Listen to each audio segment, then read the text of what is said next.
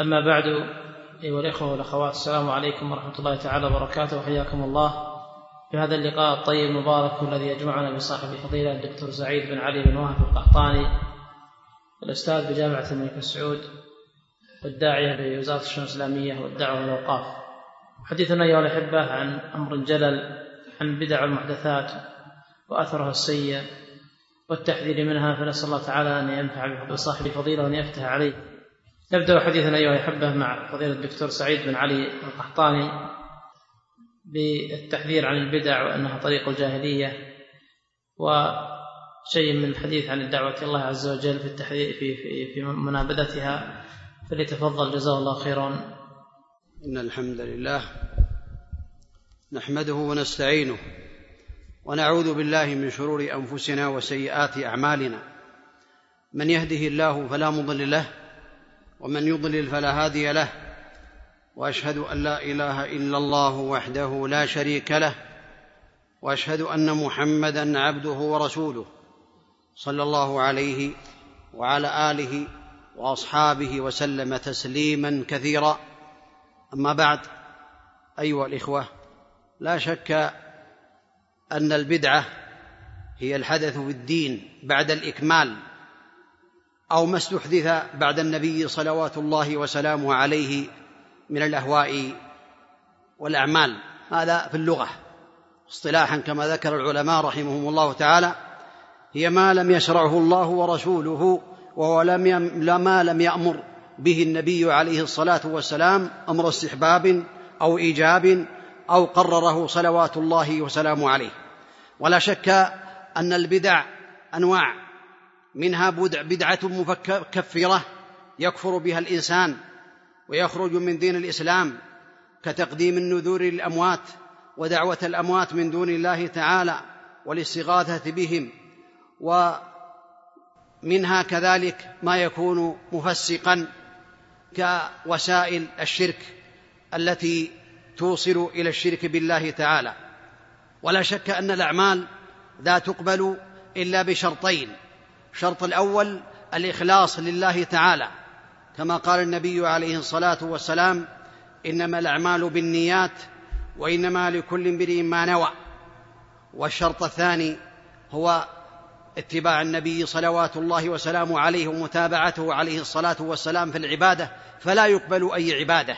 أي عبادة لا تقبل إلا بالإخلاص لله تعالى وحده لا شريك له ومتابعة النبي عليه الصلاة والسلام كما قال عليه الصلاة والسلام من عمل عملا ليس عليه أمرنا فهو رد مردود.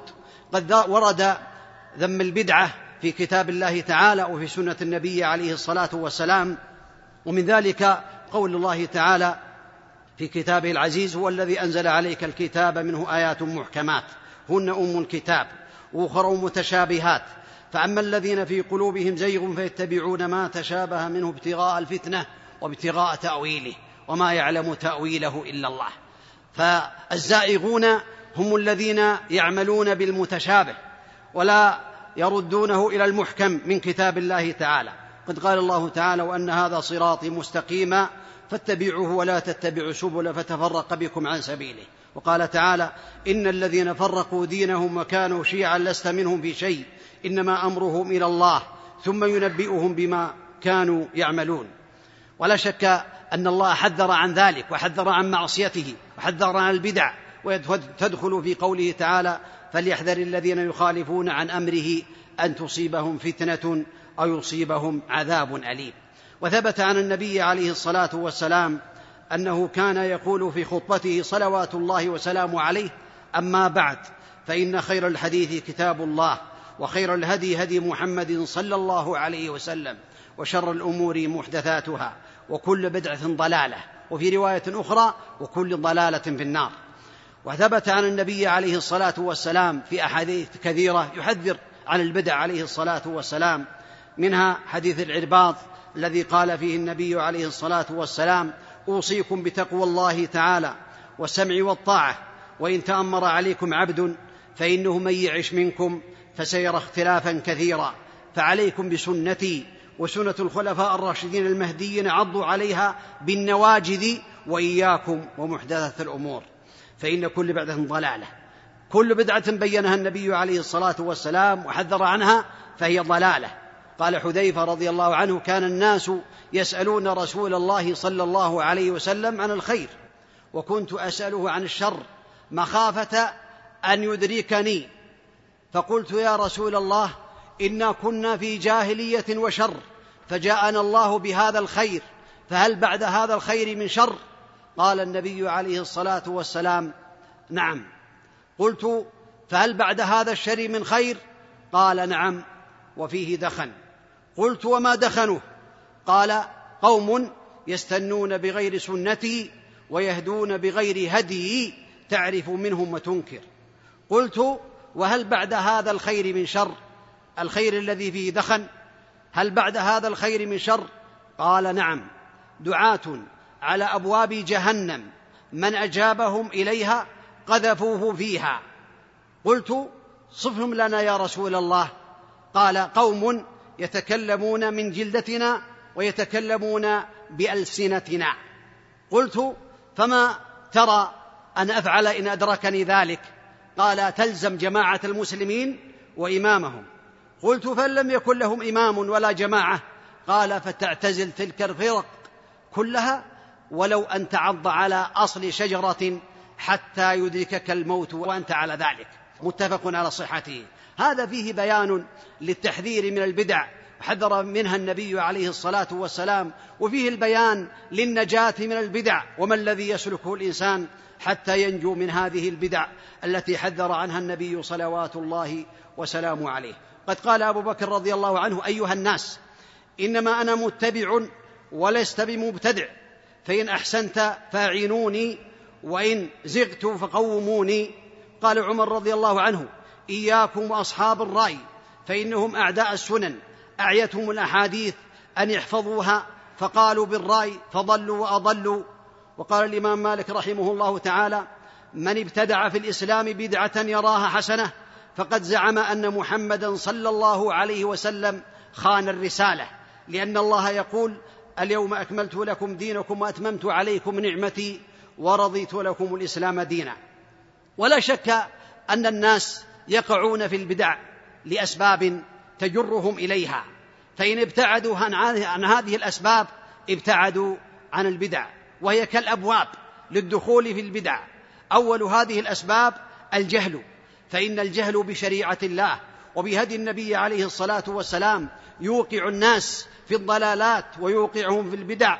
ولهذا قال الله تعالى قل إنما حرم ربي الفواحش ما ظهر منها وما بطن والإثم والبغي بغير الحق وأن تشركوا بالله ما لم ينزل به سلطانا وأن تقولوا على الله ما لا تعلمون.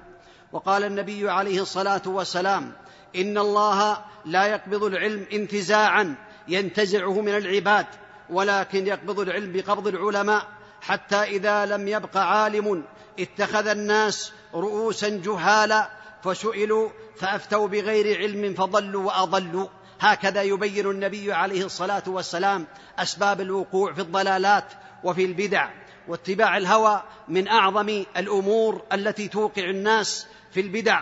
ولهذا قال الله تعالى أفرأيت من اتخذ إلهه هواه وأضله الله على علم وختم على سمعه وقلبه وجعل على بصره غشاوة فمن يهديه من بعد الله أفلا تذكرون. لا شك أن هذا من الأسباب التي توقع الناس في البدع ومنها الشبهات والتعلق بالشبهات كما جاء في الآية التي سمعتموها هو الذي أنزل على عبده الكتاب منه آيات محكمات هن أم الكتاب واخر متشابهات. فأما الذين في قلوبهم زيغ فيتبعون ما تشابه منه ابتغاء الفترة وابتغاء تأويله وما يعلم تأويله إلا الله. ومن أسباب أو الأسباب التي توقع الناس في البدع الاعتماد على العقل المجرد بدون دليل. فإن الاعتماد على العقل وترك الدليل من الضلالة. ولهذا قال الله تعالى وما آتاكم الرسول فخذوه وما نهاكم عنه فانتهوا واتقوا الله إن الله شديد العقاب. والتقليد للآباء والأجداد والمشايخ وغيرهم من الناس بدون دليل هذا من الأسباب في الوقوع في البدع. ولهذا قال الله تعالى بل قالوا إنا وجدنا آباءنا على أمة وإنا على آثارهم مهتدون.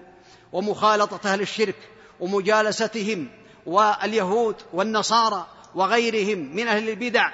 هذا مما يوقع الناس في البدع.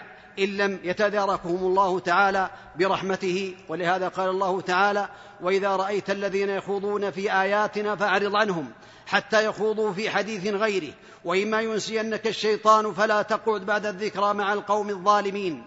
وسكوت العلماء كذلك من أسباب الوقوع في البدع ووقوع الناس في البدع. قد أمر الله تعالى العلماء بالتبليغ وقال النبي عليه الصلاة والسلام من رأى منكم منكرا فليغيره بيده فإن لم يستطع بلسانه فإن لم يستطع بقلبه وذلك أضعف الإيمان. والاعتماد على الأحاديث الضعيفة والموضوعة المكذوبة على النبي صلوات الله وسلامه عليه توقع الناس في البدع والعياذ بالله. والغلو في الصالحين من أعظم انتشار البدع. فقد كانت ذرية آدم عليه السلام بقوا على التوحيد عشرة قرون ألف سنة حتى غلا الناس في عبادة الصالحين فأرسل الله تعالى نوحا والنبيين من بعده صلوات الله وسلامه عليهم يدعون إلى التوحيد. ولا شك أن البدع أنواع منها من يسأل الميت حاجته عند القبر ويقول يا سيدي فلان يا سيدي مرغني يا سيدي العيدروس يا سيدي عبد القادر يا سيدي فلان انصرنا على أعدائنا فهذه بدعة مكفرة تخرج من فعلها من الإسلام ومنها بدع من أسباب النزول إلى الوقوع في الدركات في البدع وهي لا تكفر الإنسان إلا إذا عمل معها مكفرا يخرج به من الإسلام ومن هذا من يسأل الميت بياهه أو من يسأل الله بجاه الميت أسألك بجاه النبي صلوات الله وسلامه عليه.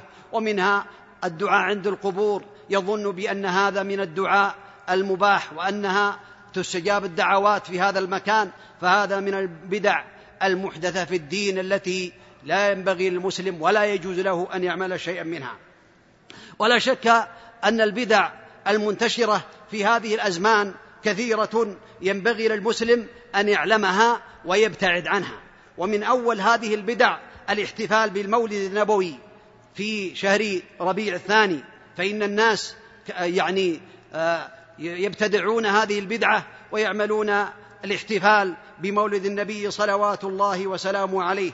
ولا شك أن الاحتفال بالمولد من البدع المحدثة ولهذا قال الله تعالى وما آتاكم الرسول فخذوه وما نهاكم عنه فانتهوا واتقوا الله إن الله شديد العقاب.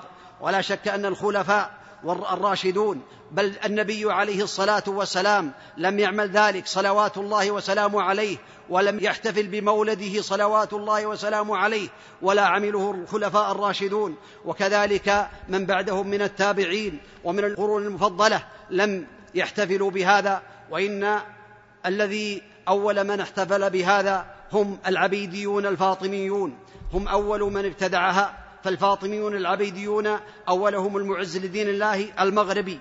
المغربي الذي خرج من المغرب إلى مصر في شوال سنة 361 وقدم إلى مصر في رمضان سنة 362 هو أول هو أول من ابتدع هذه البدعة المحدثة ودعا الناس إلى هذه البدعة فوقع فيها كثير من الخلق.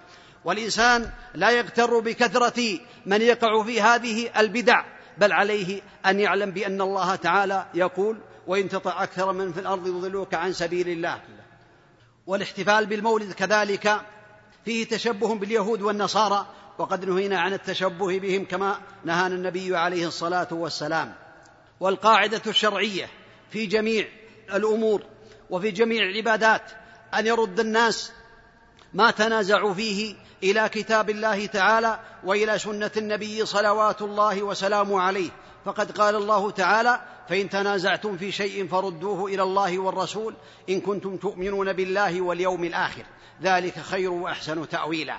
وكذلك المشركين الذين واليهود والنصارى هم الذين يبتدعون هذه البدع ويقلدهم كثير من المسلمين. نسأل الله العفو والعافية.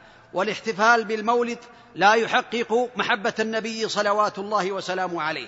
فإن الله بين أن تحقق المحبة لله ولرسوله عليه الصلاة والسلام تكون باتباع النبي صلوات الله وسلامه عليه. ولهذا قال الله تعالى قل إن كنتم تحبون الله فاتبعوني يحببكم الله ويغفر لكم ذنوبكم والله غفور رحيم. ومن هذه البدع المحدثة في الدين المعاصرة الاحتفال بأول ليلة جمعة من شهر رجب. قد ذكر أبو بكر الطرطوشي رحمه الله تعالى أن أول من أحدث هذه البدعة في بيت المقدس سنة أربعمائة وثمانين. فهي أول سنة أحدثت فيها هذه البدعة الاحتفال بأول جمعة من شهر رجب. أول من أحدثها هذا الذي جاء إلى بيت المقدس قال والمشهور عند الناس المبتدعة أن صلاة الرغائب تصلى بين المغرب والعشاء أول ليلة الجمعة من شهر رجب. قاله أبو شامة رحمه الله تعالى. وقال الحافظ بن رجب رحمه الله وأما الصلاة فلم يصح في شهر رجب. صلاة مخصوصة تختص به والأحاديث المروية في صلاة الرغائب في أول ليلة جمعة من شهر رجب كذب وباطل لا تصح. وهذه الصلاة بدعة عند جمهور العلماء رحمهم الله تعالى. وقال الحافظ ابن حجر رحمه الله تعالى لم يرد في فضل شهر رجب ولا في صيامه ولا في صيام شيء منه معين ولا في قيام ليلة مخصوصة فيه. حديث صحيح يصلح للحجه تبين العجب فيما ورد في شهر رجب لابن حجر رحمه الله تعالى. وحديث صلاة الرغائب فيه أنه يصوم أول خميس من رجب ثم يصلي بين العشاءين ليلة الجمعة اثنتي عشرة ركعة وذكر قراءة مبتدعة وهذا الحديث مكذوب على رسول الله صلى الله عليه وسلم. ولهذا قال الإمام ابن الصلاح رحمه الله تعالى في احاديثها موضوعة على رسول الله صلى الله عليه وسلم. وذكر العز بن عبد السلام في صلاة الرغائب قال صلاة الرغائب بدعة منكرة وحديثها كذب على رسول الله صلى الله عليه وسلم. ومن هذه البدع التي يعملها كثير من الناس بدعة الاحتفال بليلة الإسراء والمعراج. ليلة الإسراء والمعراج من آيات الله تعالى العظيمة الدالة على صدق نبينا محمد صلوات الله وسلامه عليه كما قال الله تعالى سبحان الذي أسرى بعبده ليلا من المسجد الحرام إلى المسجد الأقصى الذي باركنا حوله لنريه من آياتنا إنه هو السميع العليم. وهذه الليلة لا يحتفل بها ولا تختص بشيء من أنواع البدع للأمور الآتية. اولا هذه الليلة التي حصل فيها الإسراء والمعراج لم يأتي خبر صحيح في حديثها. وعلى هذا أهل التحقيق من العلماء الراسخين في العلم. ثانيا لا يعرف عن أحد من المسلمين أهل العلم والإيمان أنه جعل لليلة الإسراء فضيلة عن غيرها.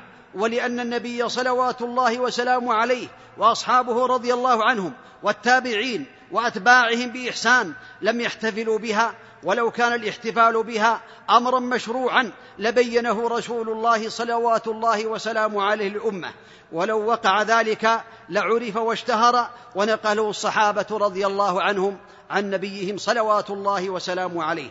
والله تعالى قد أكمل الدين لهذه الأمة وأتم عليها النعمة فلا يحتاج إلى بدع ومحدثات كما قال الله تعالى اليوم أكملت لكم دينكم وأتممت عليكم نعمتي ورضيت لكم الإسلام دينا وحذر النبي صلوات الله وسلامه عليه عن البدع وبين أن كل بدعة ضلالة صلوات الله وسلامه عليه. ومن هذه البدع الاحتفال بليلة النصف من شعبان.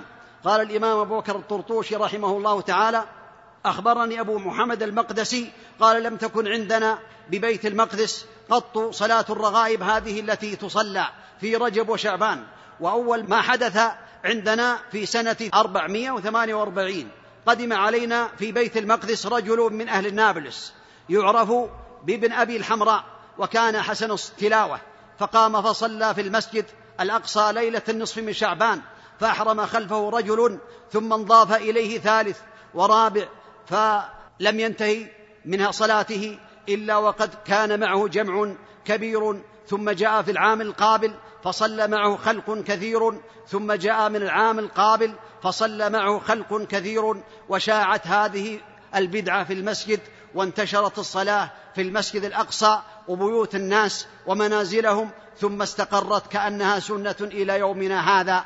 انتهى من كلامه رحمه الله تعالى من كتابه الحوادث والبدع للطرطوشي.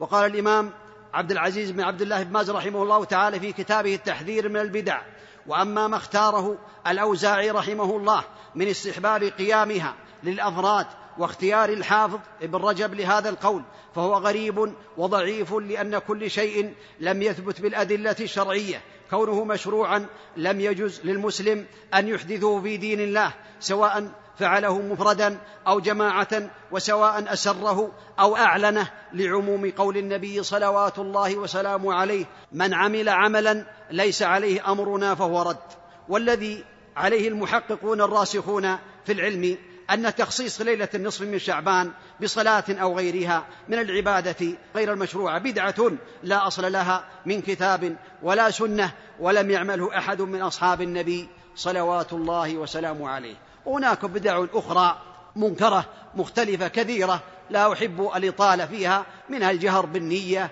والذكر الجماعي وطلب قراءة الفاتحة على أرواح الأموات وإقامة المآتم على الأموات والأذكار الصوفية بأنواعها ويرد عليها كلها بقوله عليه الصلاة والسلام من عمل عملا ليس عليه أمرنا فهو رد. وأختم هذه الكلمة بالآثار المختصرة التي تضر الأمة وتبين آثار البدع التي يقع فيها الناس تدل على أن من وقع في هذه البدع فقد اساء إلى الأمة وقد وقع في أضرار عظيمة وأوقع الأمة في أضرار جسيمة. من هذه الأضرار أن البدع بريد الكفر. كما بين النبي عليه الصلاة والسلام لتتبعن سنن من كان قبلكم شبرا بشبر وذراعا بذراع حتى لو دخلوا جحر ضب لاتبعتموهم أو كما قال النبي صلوات الله وسلامه عليه. قلنا يا رسول الله اليهود والنصارى قال فمن؟ والحديث متفق على صحته. والقول على الله بغير علم. هذا من أضرار البدع التي تضر الناس أنهم يقولون على الله بغير علم ويتعمدون الكذب على رسول الله عليه الصلاة والسلام. قد قال من تعمد علي كذبا فليتبوى مقعده من النار. وكذلك من هذه الأضرار رد عمل المبتدع. من أحدث في أمرنا هذا ما ليس منه فهو رد. أعماله مردودة التي ابتدع فيها ولم يتبع فيها رسول الله عليه الصلاة والسلام وبغض المبتدعة للسنة وأهلها وهذا يدل على خطورة البدع وعلامات أهل البدع ظاهرة على أهلها بادية وأظهر آياتهم وعلاماتهم شدة معاداتهم لحملة أخبار النبي عليه الصلاة والسلام واحتقارهم لها. أي لسنن النبي عليه الصلاة والسلام. ولا شك أن من هذه الأضرار التي تقع للناس في هذه الأزمان وفي وقوع في هذه البدع سوء عاقبة المبتدع لأن الشيطان يريد أن يوقع الإنسان في عقبة من عدة عقبات من عقبات سبع كما ذكرها الإمام ابن القيم رحمه الله تعالى. فالعقبة الأولى الشرك بالله تعالى. فإن نجا العبد من هذه العقبة طلبه الشيطان على عقبة البدعة وهذا يؤكد أن البدع أخطر من المعاصي وبعد الشرك بالله تعالى. والبدعة لا يتوب صاحبها منها في الغالب إلا من تداركه الله تعالى برحمته لأنه يرى أنه محسن ويرى أنه على حق. ولهذا ثبت عن النبي عليه الصلاة والسلام أنه قال إن الله حجب التوبة عن صاحب كل بدعة. أخرجه الطبراني وهو حديث ثابت ولكن هذا معناه أنه إذا استحسن هذه البدعة وانقاد لها ولم يتب أما إذا تاب فمن تاب تاب الله تعالى عليه. لكن هذا المعنى يدل على أن المبتدع يزين له سوء عمله فيراه حسنا فهو لا يتوب ما دام يراه حسنا ولكن التوبة ممكنة وواقعه ومن قال إن توبة المبتدع لا تقبل مطلقا فقد غلط غلطا منكرا. ولا شك أن الله تعالى يقبل التوبة إذا حصلت بشروطها الإقلاع عن الذنب والندم والعزيمة على أن لا يعود وأن يرد الحقوق إلى اهلها واتباع سنة النبي صلوات الله وسلامه عليه. ومن أضرار البدع انعكاس فهم المبتدع فيرى الحسنة سيئة والسيئة حسنة والسنة بدعة. هذا من أخطارها على المبتدع. ولهذا قال حذيفة والله لتفشون البدع حتى إذا ترك منها شيء قالوا تركت السنة. ومن هذه الأمور والآثار عدم قبول شهادة المبتدع الذي يكفر ببدعته وكذا من كان داعية إلى بدعته فلا تقبل شهادته عند المسلمين. والمبتدعة أقرب من الفتن من غيرهم. فهم الذين يقعون في الفتن. وقد حذر الله تعالى من الفتن. واتقوا فتنة لا تصيبن الذين ظلموا منكم خاصة. وقال فليحذر الذين يخالفون عن أمره أن تصيبهم فتنة أو يصيبهم عذاب أليم. والمبتدع استدرك على شرع الله تعالى لأن الله قد كمل الدين فهو يأتي بدين من عند ذات نفسه ويكمل الدين. والله تعالى يقول اليوم أكملت لكم دينكم وأتممت عليكم نعمتي. ورضيت لكم الإسلام دينا. والمبتدع يتلبس عليه الأمور ويلتبس عليه الأمور ولا يعرف الحق من الباطل. ولهذا لا يلهم ولا يوفق من الله تعالى لأنه لا يطلب الحق من الله تعالى. ولهذا قال الله تعالى يا أيها الذين آمنوا إن تتقوا الله يجعل لكم فرقانا ويكفر عنكم سيئاتكم ويغفر لكم والله ذو الفضل العظيم.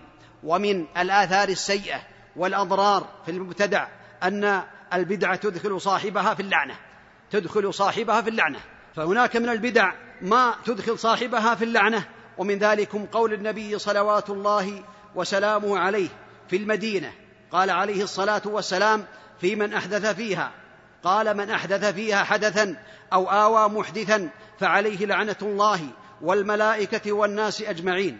وكذلك من الآثار للبدعة التي تحصل للناس أن المبتدع يحال بينه وبين الشرب من حوض النبي صلوات الله وسلامه عليه فالناس يأتون من أتباعه عليه الصلاة والسلام إلى حوضه يريدون الشرب من حوضه ولكن أهل البدع يحال بينهم وبين حوض النبي عليه الصلاة والسلام فيقول النبي صلوات الله وسلامه عليه.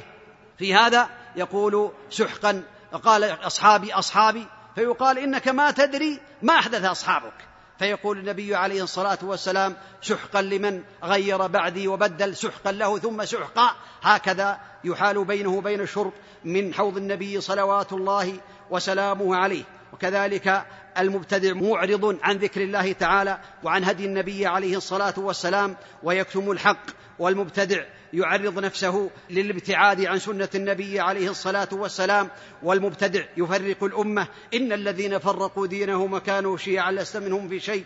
والمبتدع متبع لهواه والمبتدع كذلك يشوه الإسلام. فإذا رأى الكفار والمشركون ما يعمله المبتدع قالوا هذا من الدين الإسلامي ففروا منه. وهناك آثار كثيرة وأضرار للبدع. لا أحب الإطالة. فيها أسأل الله تعالى لي ولكم العلم النافع والعمل الصالح وأن يجعلنا وإياكم من المتبعين لسنة النبي محمد بن عبد الله عليه الصلاة والسلام كما يحبه ربنا تعالى ويرضاه. وصلى الله وسلم وبارك على نبينا محمد وعلى آله وأصحابه أجمعين. شكر الله صاحب الفضيلة ما تفضل بهذه الندوة الطيبة المباركة نختم بتعليق مبارك سماحة الوالد الشيخ عبد العزيز بن عبد الله آل الشيخ المفتي العام منك ورئيس هيئتك والعلماء على هذه الندوة. يتفضل جزاه الله خيرا وسلم. بسم الله الرحمن الرحيم.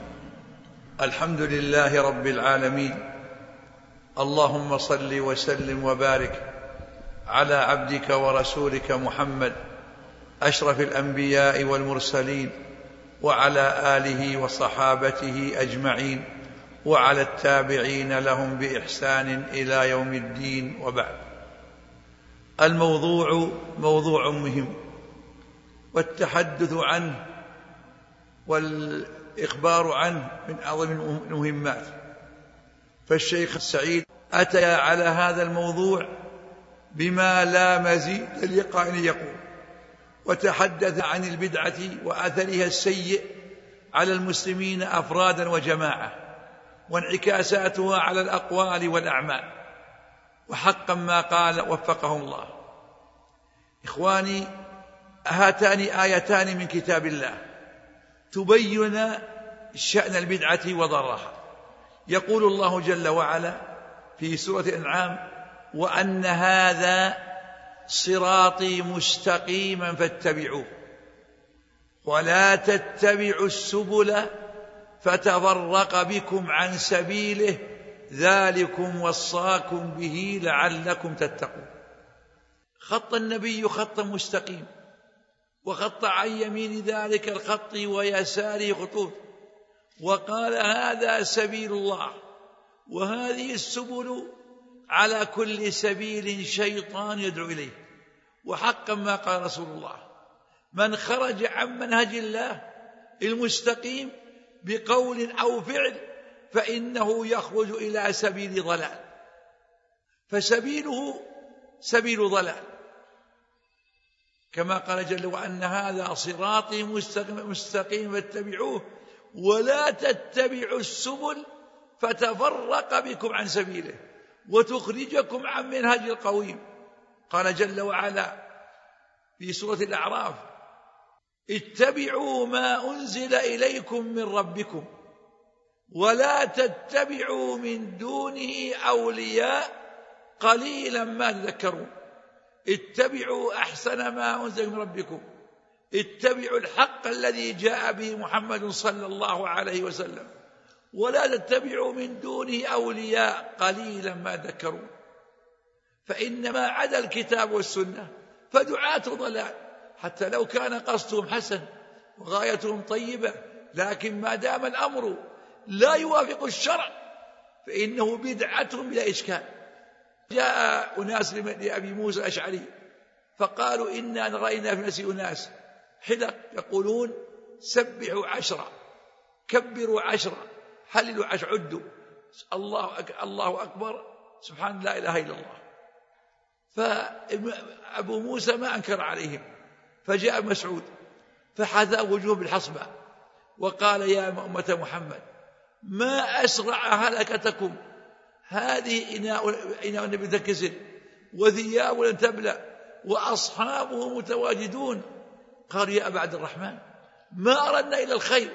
قال وكم من مريد للخير مصبه عدوا سيئاتكم فإني ضامن لكم ألا يضيع شيء من حسناتكم. قال بعض الرواة فلقد رأيت معظم هؤلاء يطاعنوننا يوم النهروان مع الخوارج. فالبدعة وإن صغرت لكنها كبيرة من حيث أنها تقدح في عقيدة المسلم وتنقص إيمانه. البدع إذا وقعت لا بد أن تحدث أمورا تخالف الشرع. مهما أراد يشرعوها أن يقتصروا مهما أرادوا فلا بد أن تظهر البدع وإن, وإن لم يروها دعاة إحياء الموالد المولد النبوي. قالوا إنا نحيي ليلة المولد لأجل أن نذكر الناس بنعمة الله علينا بمبعث محمد صلى الله عليه وسلم. ونذكر سيرته وحياته ترغيبا للناس. لكن هذا الأمر الذي أتوا به بدع من العمل. لماذا؟ لأن محمدا صلى الله عليه وسلم ما جاءنا أنه احتفل بمولده ولا بمبعثه ولا حزنوا ولا أقاموا مأتما لموته. وخلفاؤه الراشدون المهديون أحب الخلق لرسول الله ما أحيوا ذلك مع علمهم به. إذا فهو بدع بدعة. تطورت هذه البدعة حتى أصلا تقام فيها خطب ومقالات وأماديح نبوية كثير منها شرك بالله وخروج عن منهج السقيم. شرعوا ما يسمى الرغائب في شعبان أو الألفية الصلافية أو صي أو أي أو إحياء إلى رجب أو نحو ذلك. كل هذه من البدع التي ما أنزل الله بها من سلطان. يقول الإمام مالك المبتدع كأنه يتهم رسول الله في أنه ما بلغ رسالة ربه. وقد بلغ الرسالة وأدى الأمانة صلى الله عليه وسلم. كل بدعة قولية أو فعلية لا بد أن تحدث نقصا في العبادة. سمع مالك بن أنس مؤذن مؤذن المسجد النبي صلى الله عليه وسلم. صعد يؤذن فضرب باب المنارة. فقال له مالك لا تحدثوا في أمرنا شيئا. فجاء في اليوم الثاني وتنحنح. فقال لا تحدث شيئا. فجاء في اليوم الثاني قال لا إله إلا صلوا على رسول الله. قال ما أراك إلا رجل سوء. فأبعده عن الأذى. محافظ على السنة والتقيد بها وعدم الخروج عنها. سمع ابن عمر رجل المسجد يقول الصلاة خير من الظهر. فقال بدعة ولم يصلي في ذلك المسجد. كل هذا منهم حماية للسنة وحماية للمجتمع وقصرا له على الحق ومحاولة إبعاده عن البدع. فالبدع في أقوال والأعمال كلها تخالف شرع الله. ولهذا يوجد عندما في بعض الدول الإسلامية قبل الفجر ما يسمونه بابتهالات يسمونه ابتهالات. يمكث نصف ساعة في أذكار وصلوات على الرسول كلها بدعة لأن الله شرع لنا الأذان الشرعي فقط. ما شرع أن نزيد في أذاننا شيئا. إنما المهم أن البدع على اختلافها ضارة لكن منها مكفرة. كابتداع أهل القبور الذين عبدوا عظموا قبور الأولياء واستغاثوا من دون الله وذبحوا له من دون الله. كبدع المبتدعة الذين ابتدعوا في دين الله كبدع الخوارج الذين كفروا المسلمين بالمعاصي واستوحوا دماء المسلمين وبدع الرافضة الذين غلوا في آل البيت وبدع الجهمية ممكن الأسماء والصفات وبدع الأشاعر مؤول الصفات وغير ذلك. المهم أن المهد الصحيح واتباع الكتاب والسنة اتبعوا ولا تبتدعوا فقد كفيتم. نسأل الله السلامة والعافية. وصلى الله على محمد.